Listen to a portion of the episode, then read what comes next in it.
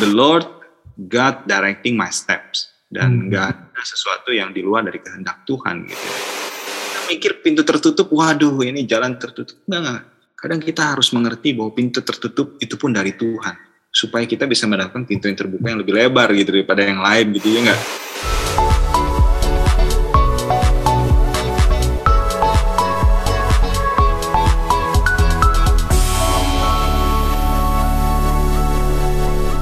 Halo, selamat pagi, siang, sore, dan malam buat kita semua.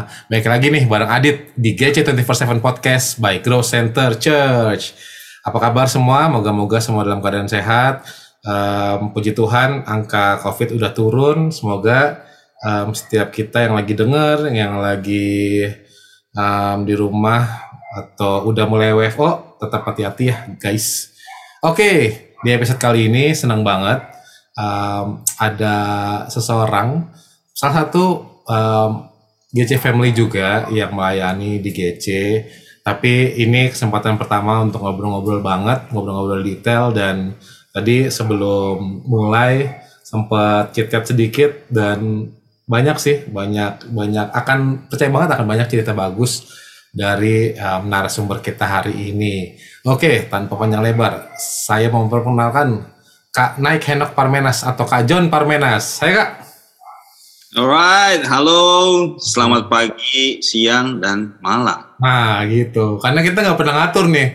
Kalau pagi doang, nanti malam orang nggak dengerin lagi karena kita cuma selamat pagi. Namanya juga 24/7 ya nggak? 24/7 Kak, mantap. Oke Kak, eh, wah ini em, teman-teman yang lagi dengerin, saya punya CV-nya lumayan panjang.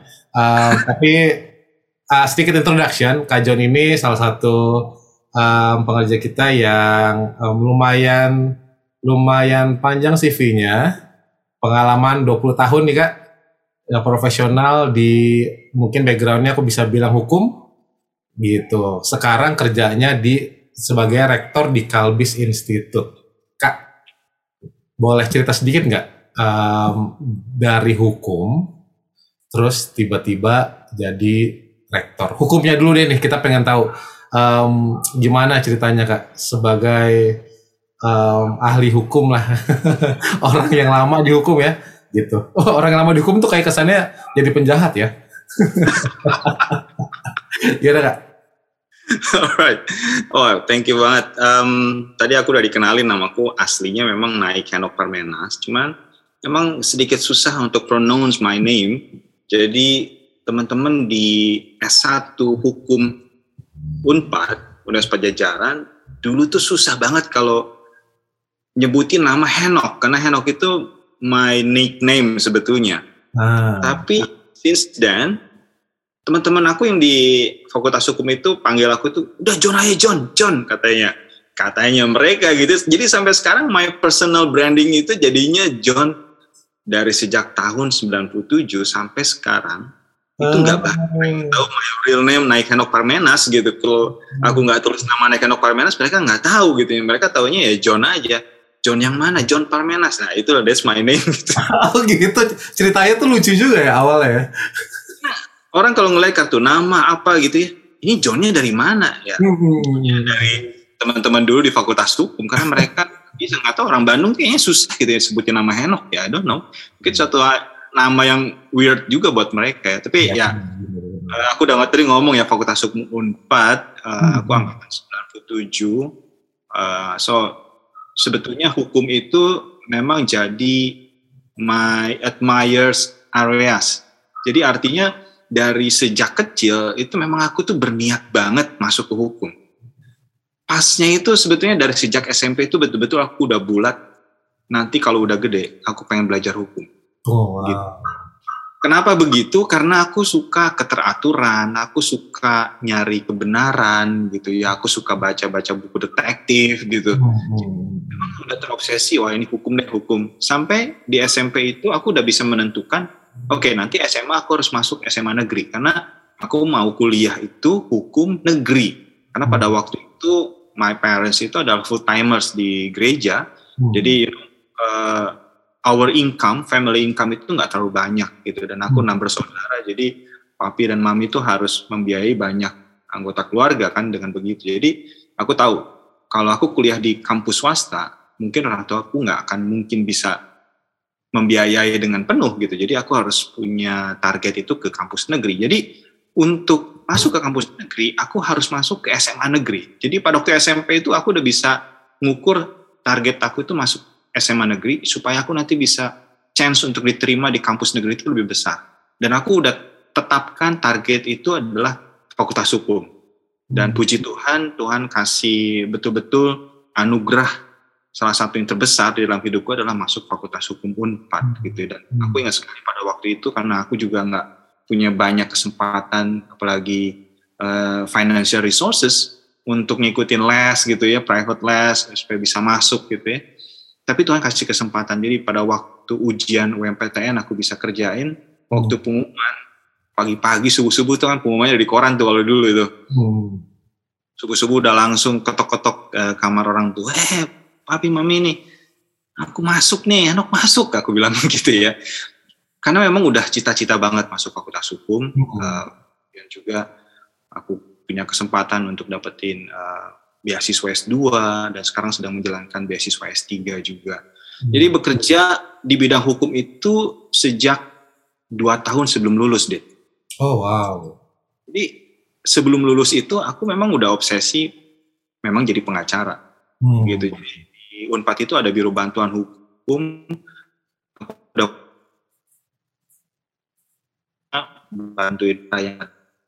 Jadi bareng-bareng sama mereka masuk ke penjara, ngikut ke pengadilan, ketemu hmm. klien, hmm. cara ngurus klien gimana, bikin uh, pembukuan klien seperti apa jadi memang itu adalah my life gitu ya dan memang aku program keminatanku tuh hukum pidana gitu jadi hmm. seneng banget e, mencari kebenaran material kalau hukum pidana kan mencari kebenaran material ya jadi kejahatan itu harus betul-betul dilakukan dilihat oleh saksi berbeda dengan hukum perdata kan kalau hukum perdata kita ngeliatin dokumentasinya seperti apa gitu datanya bagaimana hmm. makanya itu membedakan antara hukum perdata dan hukum pidana ya enggak ya, betul hukum perdata kan tergantung bawa data.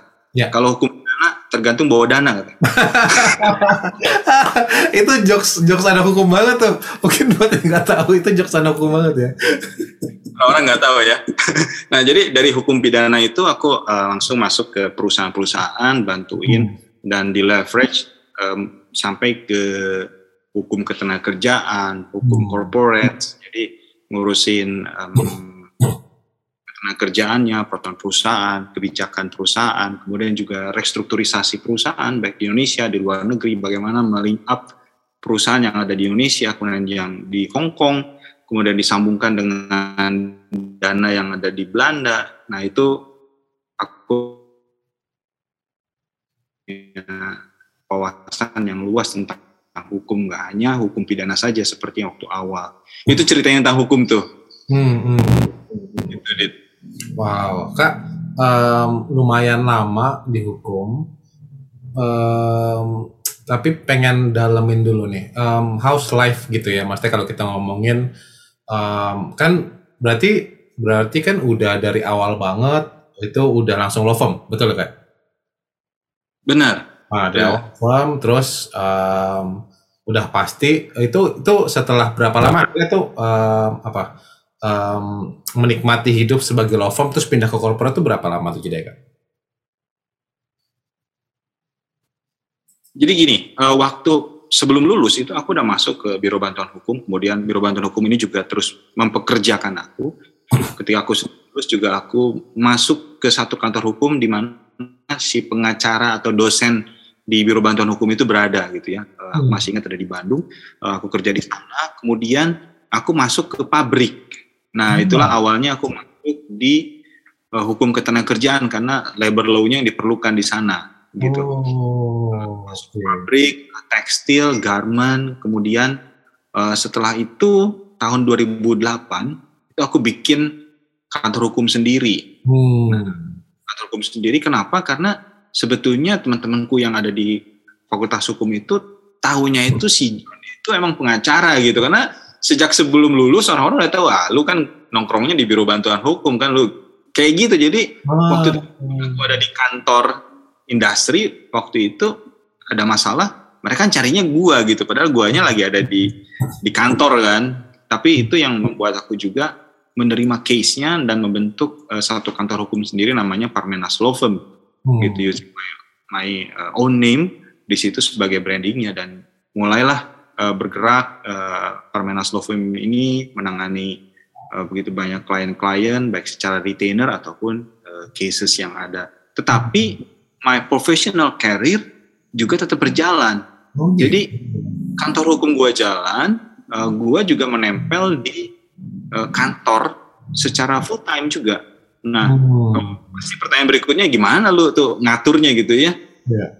Ngaturnya gini, jadi I am managing partner. Uh, jadi setiap cases yang ada itu aku lihat dulu kira-kira ini workable atau enggak. Kalau workable, aku kan bisa pilih my partner tuh siapa untuk kerjaan ini. Jadi aku udah tahu list uh, my partners kalau misalkan ngurusin transaksional oh si kalau ngurusin pidana oh si oh kalau ngurusin uh, kasus um, kira-kira yang hubungannya dengan corporate law oh si C gitu ya. Jadi aku udah tahu nih kalau misalkan udah dapat kasus gini, aku kasih serahkan ke mereka. Jadi after office hour itu selalu aku cek lagi uh, hasilnya kayak gimana, perkembangannya kayak gimana. Jadi my profesional career tetap berjalan, juga karir aku di kantor hukum sendiri pun tetap berjalan gitu. Hmm. Jadi both life itu tetap dijalankan, hmm. gitu deh. Wow. Oke, okay, kak, um, mungkin ini banyak akan re, banyak relate kali ya, maksudnya beberapa orang yang lagi in a journey gitu um, untuk pursuing karir gitu. Nah, um, pengen tahu kak, um, do you see yourself pada saat awal-awal ataupun make switch ataupun lagi ngejalanin dua hal yang bersama-sama, do you see yourself kayak akan sampai ke titik sekarang atau apa yang waktu itu um, ada di pikiran um, Kajon waktu itu? Apa, saat saat either saat ngejalanin memilih untuk pindah ke pabrik gitu ya, mulai corporate, uh, mulai masuk corporate ataupun uh, mulai bahasanya dua kerjaan full time yang bersama-sama. Apa yang dipikiran? Apakah itu um, pada saat itu kayak ah suka aja nih atau kayak ini uh, opportunity atau apa yang ada di pikiran kerja itu? Eh, walaupun gua memang ada di dua industri yang berbeda, maksudnya industrinya yang satu mungkin lebih ke legal HR atau hmm. lebih ke tenaga kerjaan, hukum kerjaan. Satu lagi kalau di kantor hukum itu betul-betul bisa leverage ke mana-mana tapi kan ujung-ujungnya adalah hukum. Jadi memang uh, eh, gue melakukan keduanya karena ada satu similarity yaitu ngomongin hukum gitu. Hmm. And itu sesuatu yang yang yang gue suka gitu. Jadi my advice sih as long as you like it, just do it gitu. Walaupun ada double track ya, sepertinya ada double track gitu. Tapi karena aku suka dua-duanya, jadi ya I'm doing it dengan enjoy gitu, dengan suka gitu karena karena banyak orang mungkin nggak suka baca, nggak suka nulis, nggak suka debat gitu. Tapi anehnya gue suka. Gue suka nulis. gue suka baca, gue suka Microsoft Word, gue suka bikin uh, bullet point, gue suka ngeratain kiri dan kanan, gue suka membedakan mana yang harus pakai bold, mana yang enggak, mana yang harus gue kasih uh, garis bawah, mana yang enggak, mana yang gue harus kasih capital, mana enggak untuk membedakan mana yang harus gue emphasis dan mana yang enggak gitu.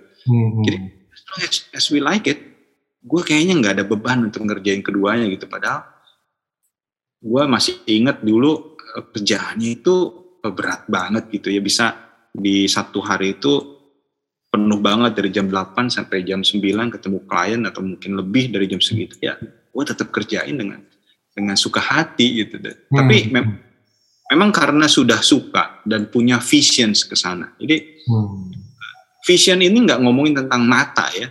Hmm. It is okay if you blind, but you have a vision. Wow. Better daripada lu bisa punya mata, tapi nggak punya vision. Because I, I have my own visions on law tentang legal gitu, legal matters. Jadi gue lakukan dengan dengan dengan suka hati sih, dengan dengan senang dan semuanya flowing begitu aja.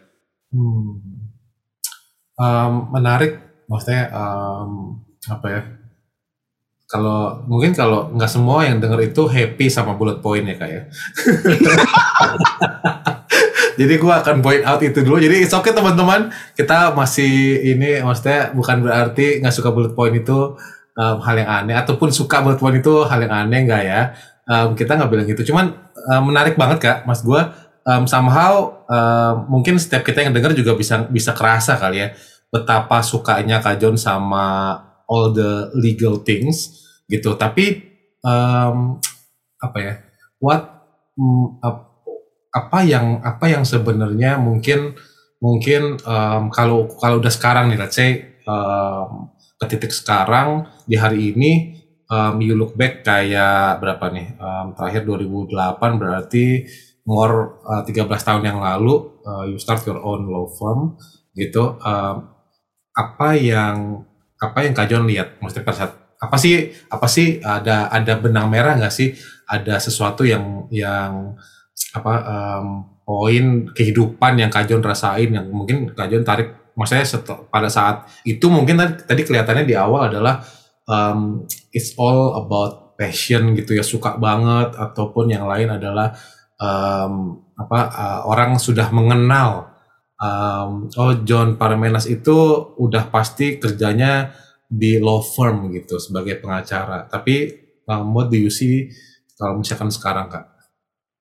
Ya, um, kalau dibandingkan dengan sekarang gitu ya, gue melihat banyak sekali uh, perubahan. Jadi mana gue yang dulunya memang uh, berada uh, strictly ke masalah hukum, hmm. tapi Tuhan bawa gue itu sekarang uh, ke hal-hal yang non hukum gitu dan hmm. dan gue percaya Tuhan itu bekerja in mysterious way hmm. artinya dengan hal-hal yang kita nggak mengerti gitu dan saya tahu kalau kita ngomongin karir gitu ya atau promotions itu promotions not coming from people hmm. promotions coming from the Lord hmm. jadi kalau Tuhan sudah membuka udah sering bilang kan dan sering kita dengar tidak ada yang bisa menutup gitu. Kalau ya, sudah ya. Tuhan menutup nggak ada yang bisa dibuka.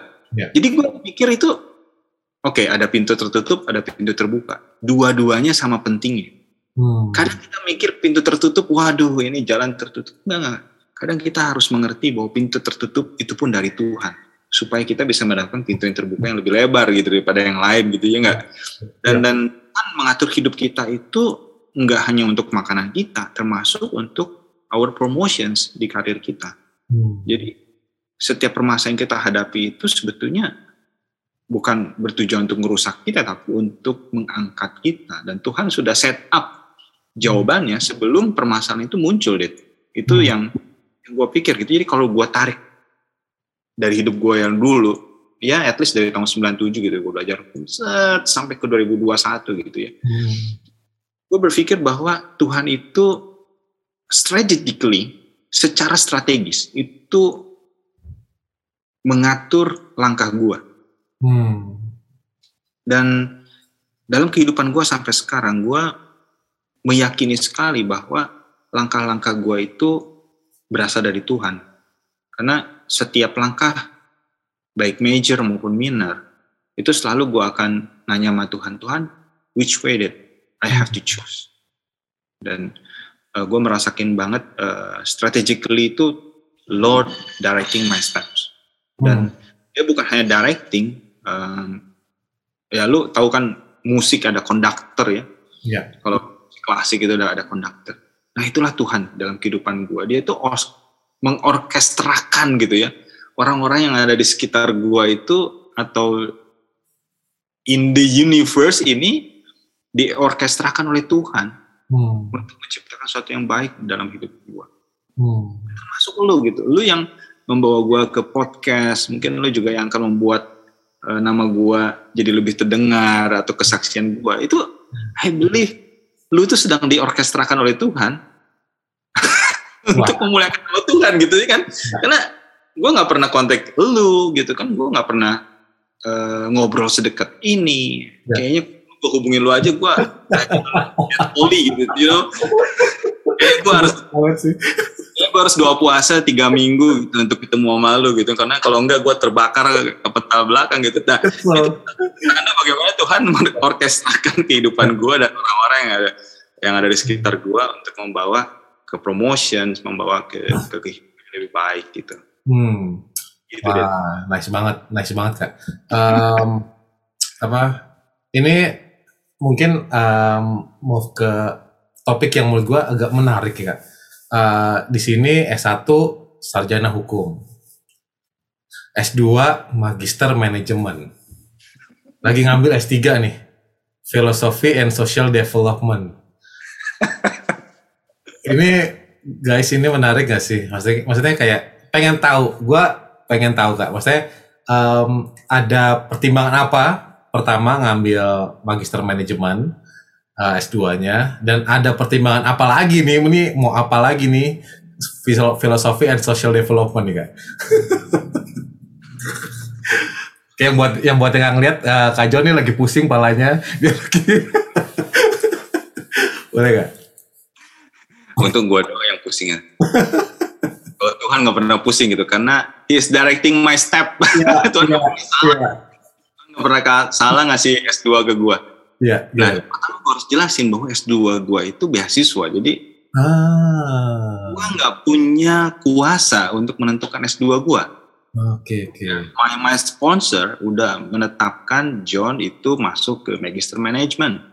Gitu. Hmm. Jadi sendiri bisa ngeliat he is really directing my steps. Hmm. Gitu. Wow. Tapi gue bersyukur dengan S2-nya gue ini, gue bisa memiliki satu sense baru selain dari hukum. Hmm. Jadi kalau orang uh, punya, kalau orang hukum selalu bilang gini, I have my legal eagle, gitu ya. Jadi dia punya pandangan secara hukum gitu, legal eagle gitu ya. Tapi I have another uh, views hmm. selain dari hukum itu sendiri, yaitu dari sisi manajemen. Ini view ini nggak nggak ditemui di orang hukum, karena orang hukum itu selalu ingin melihat dari sisi hukum saja. Dia nggak mau ngelihat yang non hukum, non yuridis itu dia bilang ini nggak penting. Gua orang juris, gua harus lihat orang uh, unsur-unsur hukum.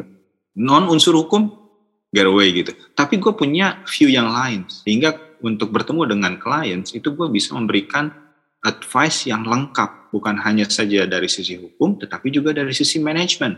Contohnya ya. ketika uh, ada restrukturisasi, restrukturasi perusahaan gitu ya, gue bisa memberikan advice supaya struktur pemegang saham ini jangan langsung ke pemilik, tetapi ada satu bridging selain dari pemilik gitu ya, ada nomini karena nomini ini yang bisa dipakai untuk uh, jalur bisnis yang lain. Contohnya seperti itu gitu ya. Nah itu kan pemahaman-pemahaman uh, yang hanya mungkin dimiliki orang orang manajemen gitu dan dan gue bersyukur Tuhan memberikan kesempatan untuk S2 itu magister manajemen untuk memperlengkapi uh, wawasan. Dan kalau nanya S3, pembangunan insaniah itu kan di Malaysia Kelantan ya. Bahasa Malaysianya nih, lu jangan ketawa nih, gue kasih tahu nih ya. gue udah buka gue udah udah diem loh pas tadi pembangunan insaniah tuh. Iya, that's true. Ya. Uhur Bahasa Malaysianya pengajian bahasa dan pembangunan insaniah. Uh. Kenapa uh, eh, gue ngambil itu S3 itu again karena ini adalah beasiswa I have no control hmm. uh, to choose my my major gitu ya. Uh, tapi ini Tuhan juga baik banget. Kenapa? Karena my, my PhD itu uh, diambil berdasarkan my current positions di education industry gitu di mana hmm. aku menggunakan risetku sendiri tentang bagaimana mahasiswa atau masyarakat memilih fakultas atau jurusan atau universitas dalam masa pandemik. Hmm. Ya, satu research yang sendiri aneh gitu ya, apalagi kalau orang hukum yang bikin gitu ya ini yeah. linearity-nya ada di mana? Kayaknya nggak ada, sama sekali nggak ada. Tapi again, the Lord God directing my steps dan hmm. nggak hmm. ada sesuatu yang di luar dari kehendak Tuhan gitu ya. Karena hmm. I have no control on on my sponsorship itu semua sponsor yang yang menentukan dan I'm doing it uh, dan saya yakin kalau Tuhan yang kerja Tuhan itu kasih keselarasan kasih damai sejahtera dan semuanya berjalan gitu dengan baik. Hmm. Gitu. Um, apa? Uh, keyword ya, maksudnya keyword yang mungkin kayak keluar, muncul, sering terjadi sama hidupnya Kajan berarti um, surprisingly apa ya um, constructed atau bilangnya. Semuanya terarah. Walaupun walaupun apa um, banyak kejutan-kejutan ya. Kayak maksudnya um, maksudnya tadi gue bisa melihat betapa passionate-nya um, Kajon share soal hukum gitu. Um, tapi di sisi lain um, banyak gitu tadi apa uh, ternyata S2-nya sponsor uh, minta untuk manajemen tapi yang ketiga yang apa tadi apa insani kak Aduh. Iya. Social development lah ya. Ya, social development di di di um, hal yang itu PSD-nya itu tuh hal yang baru lagi gitu. Um, kalau misalkan let's say kita um, sekali lagi duduk tenang terus ngelihat nih apa look back sama kehidupannya Kak John apa um, kalau misalkan let's say yang kemarin kayak gitu terus what do you see dengan apa ya dengan orang-orang orang-orang yang mungkin ada di sisi um, memiliki jalan yang mirip-mirip kali mungkin sama Kak John ya. Let's say kayak passionate sama satu hal terus um, ternyata um, dibawa ke hal-hal dipertemukan sama orang-orang yang membawa ke tempat yang sedikit beda gitu ya terus nggak maksudnya nggak necessary turun atau nggak necessary bikin bingung tapi um, what do you say ke mereka gitu apakah memang um, iris what iris atau apa yang menurut Kak? Oke, okay. kalau gue mau bilang seperti ini ya Tuhan menghendaki kita itu untuk mengalami yang namanya expansion. ya. Jadi uh, Tuhan aja kasih tugas ke Adam dan Hawa itu ada tingkatannya. Pertama Adam dan Hawa itu kerjaannya ya paling ngasih nama ya kan. Kalau kita lihat di Alkitab udah jelas banget tuh kasih nama. Setelah itu Tuhan kasih tugas lagi karena waktu itu kayaknya jelas sekali di Alkitab dibilang uh, gak ada yang bisa membantu Adam yang sepadan dengan Adam. Hmm. Itu membuat Hawa gitu. Hmm. Setelah itu Tuhan kasih expansion buat Adam mengerjakan tugas yang lain, hmm. yaitu untuk mengusahakan uh, bumi uh, menguasai beranak cucu gitu ya, penuhi bumi gitu. Itu kan ada satu expansion. Jadi hmm. maksud gue uh, ini adalah titik awal uh, kalau misalnya satu titik itu dianggap sebagai titik awal, tapi Tuhan itu mau supaya kita tuh berkembang, berkembang. Berkembangnya ya bisa secara vertikal atau horizontal gitu. Kalau kita belajar bisnis ada yang um, kita mengembang di industri yang sama atau kita differentiations dengan industri yang lain gitu ya. Tetapi hmm. ada punya uh, connectivity-nya. Hmm. Gitu ada yang namanya diversifications ke depan dan ke belakang gitu ini kalau hmm. ngomongin tentang proses produksi ya, Dit ya. ya Tapi ya. maksud gue intinya adalah expansions. Tuhan mau kita itu untuk expand our capability. Don't stop there. Tapi kita harus mengembang. Karena Tuhan itu mau supaya kita memang mengembang. Bukan duduk di satu titik gitu. Hmm. Dan gue merasakan itu Tuhan kasih kesempatan gue untuk mengembang ke kanan dan ke kiri. Dan saya hmm. yakin gue yakin banget Tuhan itu nggak stop di sini juga gitu ya. Dan Tuhan akan memberikan kesempatan untuk mengalami pengembangan-pengembangan yang lain. As long as I breathe, sepanjang gue bisa bernafas, itu Tuhan pasti akan kasih kesempatan kepada gue untuk berkembang. Hmm. Perkembangannya itu akan, akan sangat wide. Hmm. Wide apa? Bukan se-wide target kita. Kadang manusia punya target kan, oh target gue umur sekian begini, umur sekian begitu seluas potensinya kita. Jadi bukan seluas targetnya kita, tapi seluas potensi kita. Potensi kita segede apa sih? Potensi kita baik lagi, seperti Adam tadi. Hmm. Seluas bagaimana Tuhan punya tujuan hidup ke kita. Wah, kalau udah ngomong Tuhan punya tujuannya segede apa, itu pasti gede banget gitu. Jadi no limit.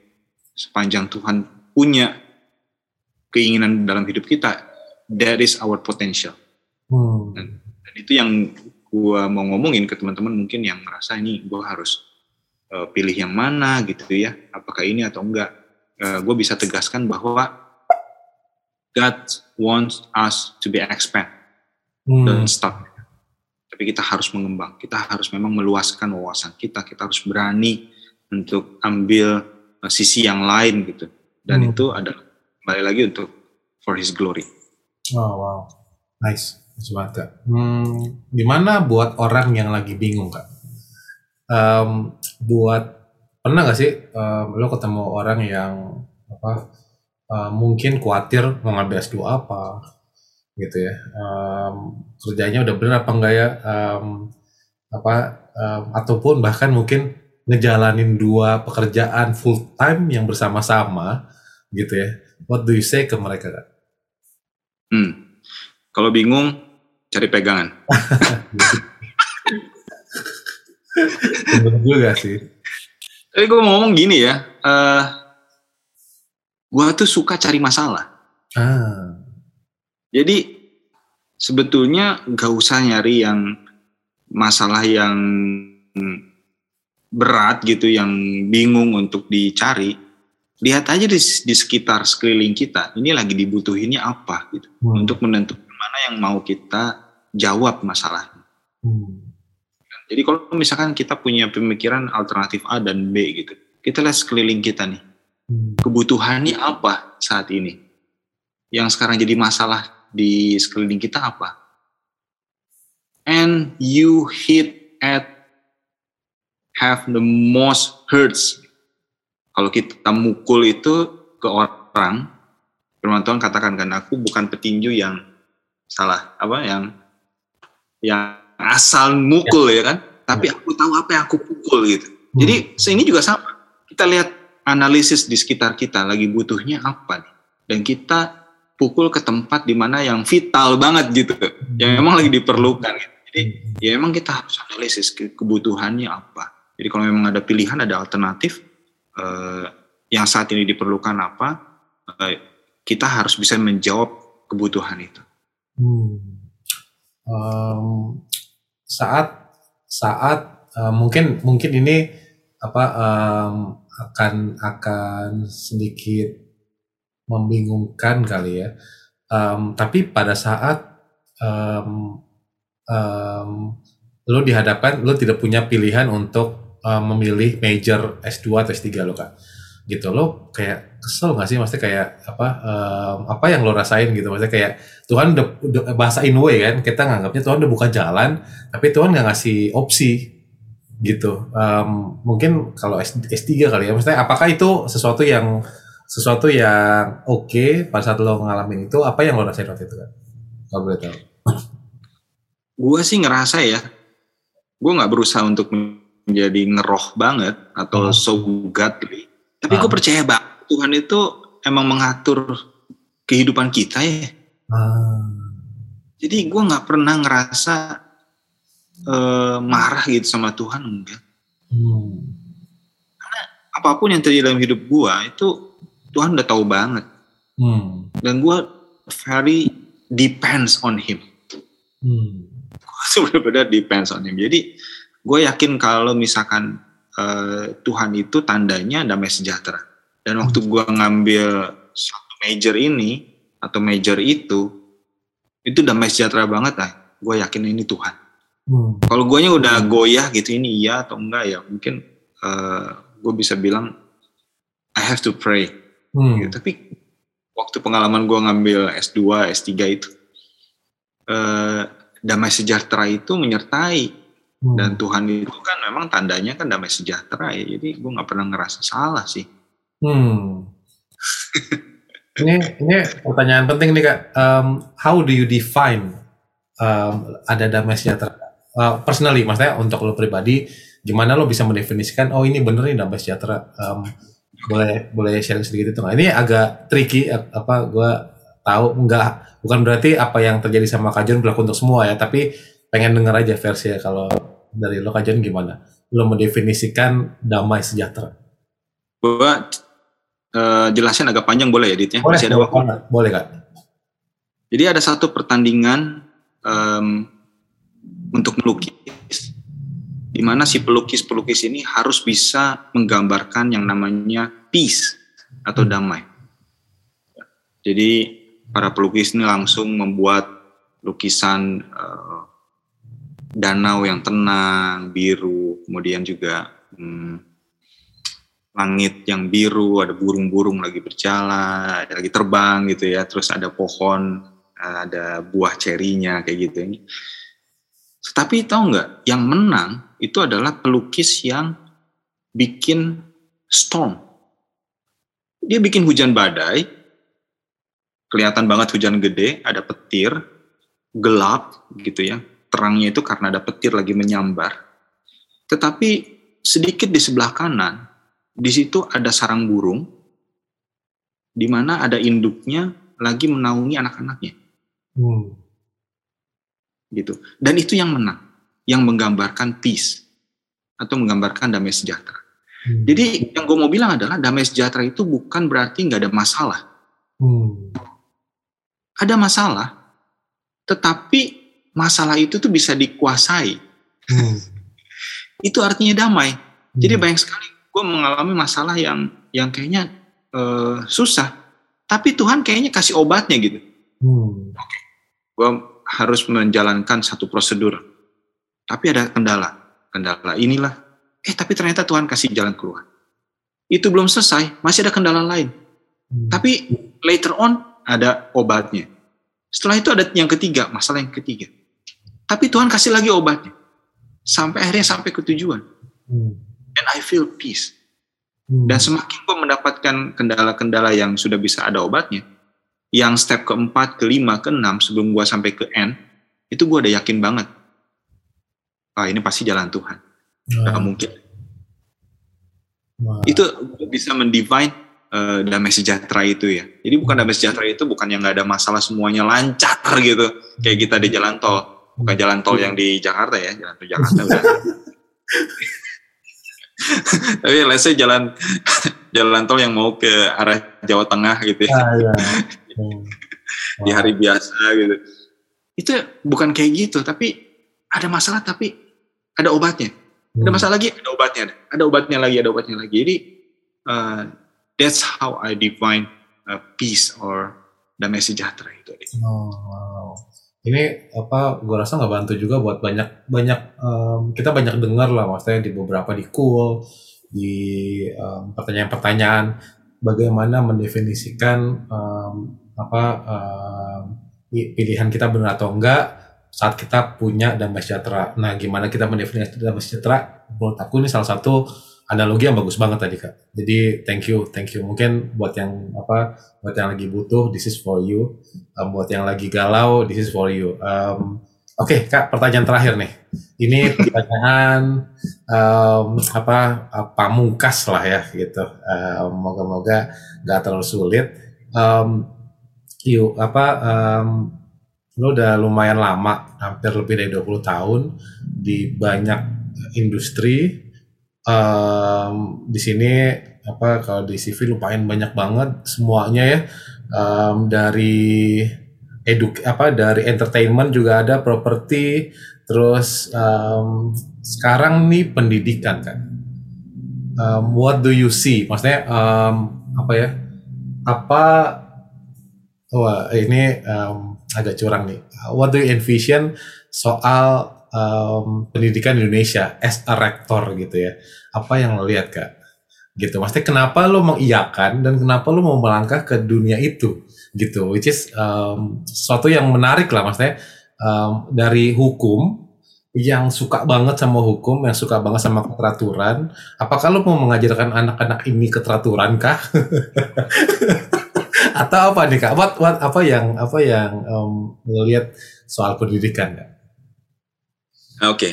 uh, eh, gini gue harus jelasin lagi bahwa everything in my life itu ada Tuhan yang directing, ya hmm. ya kan? Hmm. Itu, itu itu yang paling penting bahwa um, gua ini hidupnya bukan diatur oleh gua sendiri karena hmm. my life is not my own life tapi hmm. Jesus life. Ya. Gue cuma jalanin aja gitu ya. Jadi uh, perjalanan gue jadi rektor pun itu adalah kehendak Tuhan dan gue yakini itu. Jadi kalau lompat dari hukum tiba-tiba ke education, orang luar mungkin berpikir ini kayaknya nyebrang banget gitu ya. Hmm. Tapi hmm. kalau melihat dari sisinya Tuhan, nggak nyebrang ini memang keinginannya Tuhan gitu. Di mana gue mungkin Tuhan mau supaya gue ini uh, bisa jadi berkat buat banyak orang melalui pendidikan. Hmm. Gitu dan kalau kita perhatikan um, amanat agung, hmm. the Great Commissions, itu apa sih kata-katanya itu? Pergilah dan jadikanlah semua bangsa apa ya? Muridku. Muridku. Hmm. Kalau ngomong murid itu, itu apa? Pendidikan. ya nggak sih? Ya, ya. Ajarlah mereka gitu ya. Hmm. Itu kan ngomongin tentang pendidikan. Hmm. Jadi kalau gue ngomongin itu, itu sebetulnya udah sejalan banget dengan Great Commissions.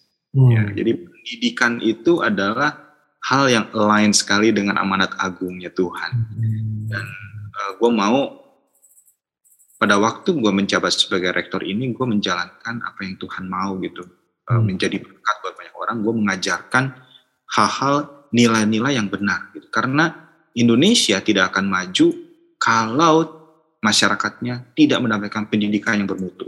Hmm. Itu nggak akan mungkin. Kita udah terlalu lama dijajah oleh penjajah kita yang tidak punya konsens untuk membangun bangsa jajahannya. Tidak seperti bangsa-bangsa lain yang di di koloni oleh uh, penjajahnya gitu. Mereka membangun koloninya sendiri. Tapi di Indonesia sayangnya tidak seperti itu sehingga pendidikan itu tidak menjadi prioritas untuk penjajah di Indonesia dan hmm. kita sudah sangat terlambat gitu. Jadi hmm. salah satu kunci pembangunan Indonesia adalah pendidikan. Jadi gue merasa this is how I can contribute to my nation gitu. Hmm. Bagaimana gue bisa membangun bangsa ini melalui pendidikan.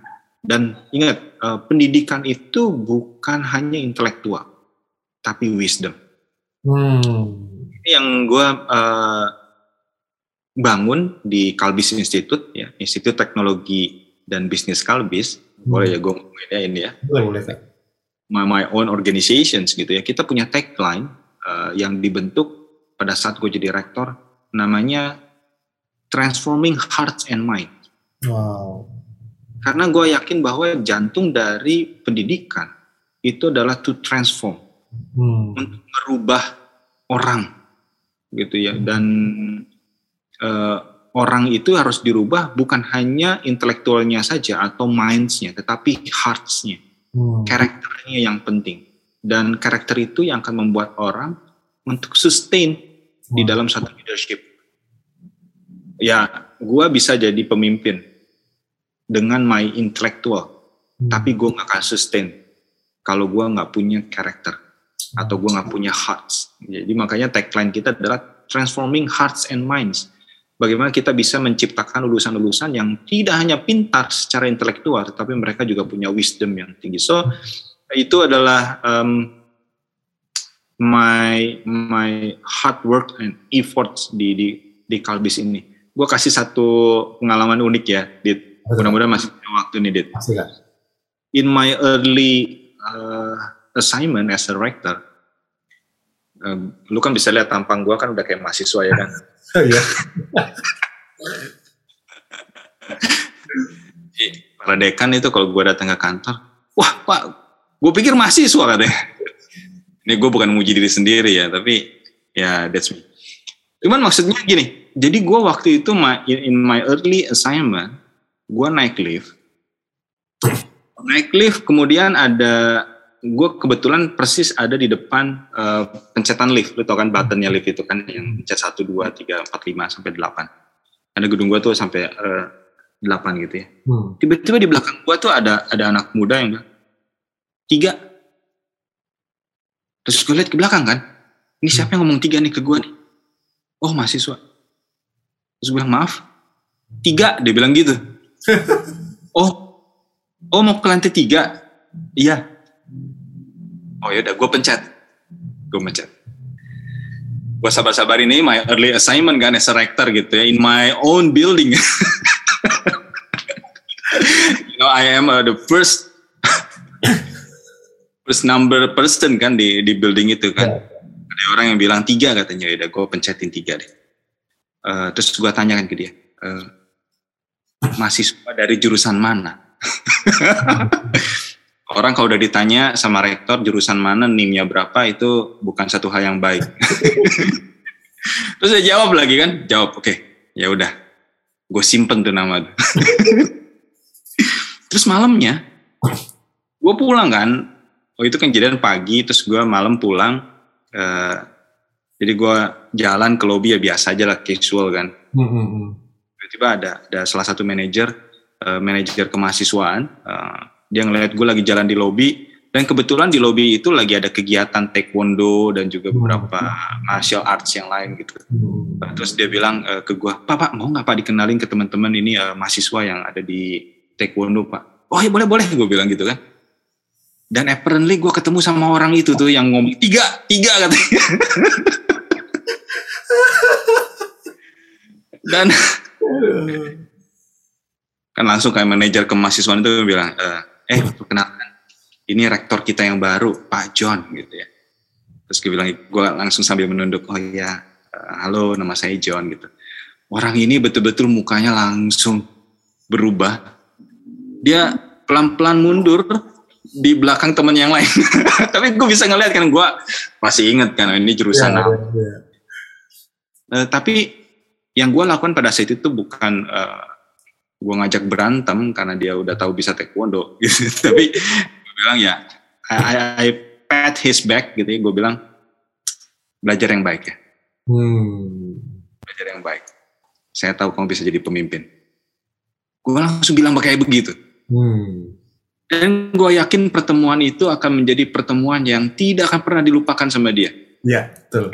At least sampai dia di wisuda. Ya, ya betul. betul. Nah, di wisuda kan perlu tanda tangan gue ya nggak? jadi, jadi uh, kembali lagi, uh, gue sih berharap dengan my assignment as, as a rector in education industry ini bisa merubah hidup hmm. uh, orang, at least uh, para mahasiswa untuk menjadi lulusan yang enggak punya, yang hanya pintar atau intelek saja, tapi mereka juga punya good character. Hmm. Bagus sekali kalau gue punya kesempatan bisa men-sharekan uh, godly character kepada mereka in my own way gitu ya. Hmm. Uh, tapi setidaknya gue yakin godly character itu bisa terlihat dari karakter-karakter yang baik. Makanya kita punya hearts and minds hmm. kita kasih uh, bukan hanya aja mata kuliah yang updated uh, dengan dunia usaha dan dunia industri, tapi kita juga perlengkapi mereka dengan karakter-karakter yang yang mumpuni sehingga mereka bukan hanya jadi orang yang pintar, tapi mereka juga orang-orang yang bijaksana dan bijaksini. Wow. Kira-kira begitu. Wow, bijaksana dan bijaksini. Perdata dan pidana. Sungguh bapak-bapak ini sekarang kayaknya lo Kak John.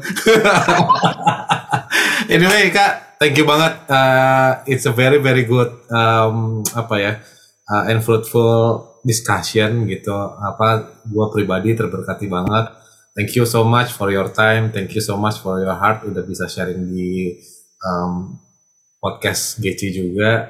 And hopefully buat semua yang lagi dengar, buat semua yang lagi butuh, um, hopefully ini banyak banget apa hal yang bisa kalian mungkin nggak harus langsung ditelan. Coba dikunyah aja dulu pelan-pelan coba dilihat um, kadang memang kita nggak pernah tahu nggak sih kalau gue lihat perjalanan kajon um, Tuhan bisa taruh banyak orang Tuhan bisa arahkan ke beberapa hal yang apa ya beberapa hal yang beda ataupun baru ataupun nggak pernah dipikirin sebelumnya tapi um, hopefully ini um, ngebantu buat setiap kita yang lagi di perjalanan itu jadi thank you so much Kak John, thank you so much atas waktunya. Um, I'll see you next week guys. Bye.